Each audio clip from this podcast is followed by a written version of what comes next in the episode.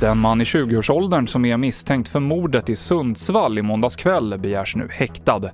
Det var en man i 35-årsåldern som sköts till döds i stadsdelen Skönsberg och både han och den misstänkte är kända av polisen sedan tidigare.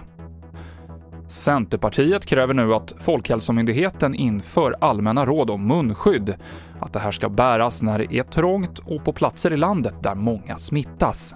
Sen tidigare har Sverigedemokraterna krävt att Sverige följer WHOs rekommendationer om munskydd.